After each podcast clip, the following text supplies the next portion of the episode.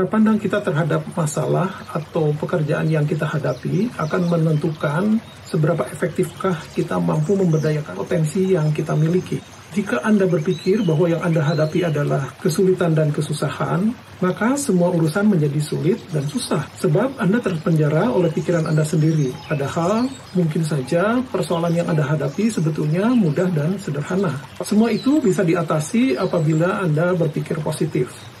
Tahukah Anda bahwa Thomas Alva Edison telah melakukan 10.000 kali percobaan sebelum dia sukses dengan bola lampunya. Setiap kali percobaannya gagal, dia mengatakan dia telah menemukan penyebab mengapa bola lampunya tidak menyala. Dia tidak pernah mengatakan bahwa dirinya gagal. Memang sesungguhnya Allah akan mengabulkan sesuatu sesuai dengan prasangka hambanya. Ini sesuai dengan teori kuantum yang pernah saya sampaikan sebelumnya bahwa jika Anda berpikir positif, maka Anda akan menarik energi positif dari alam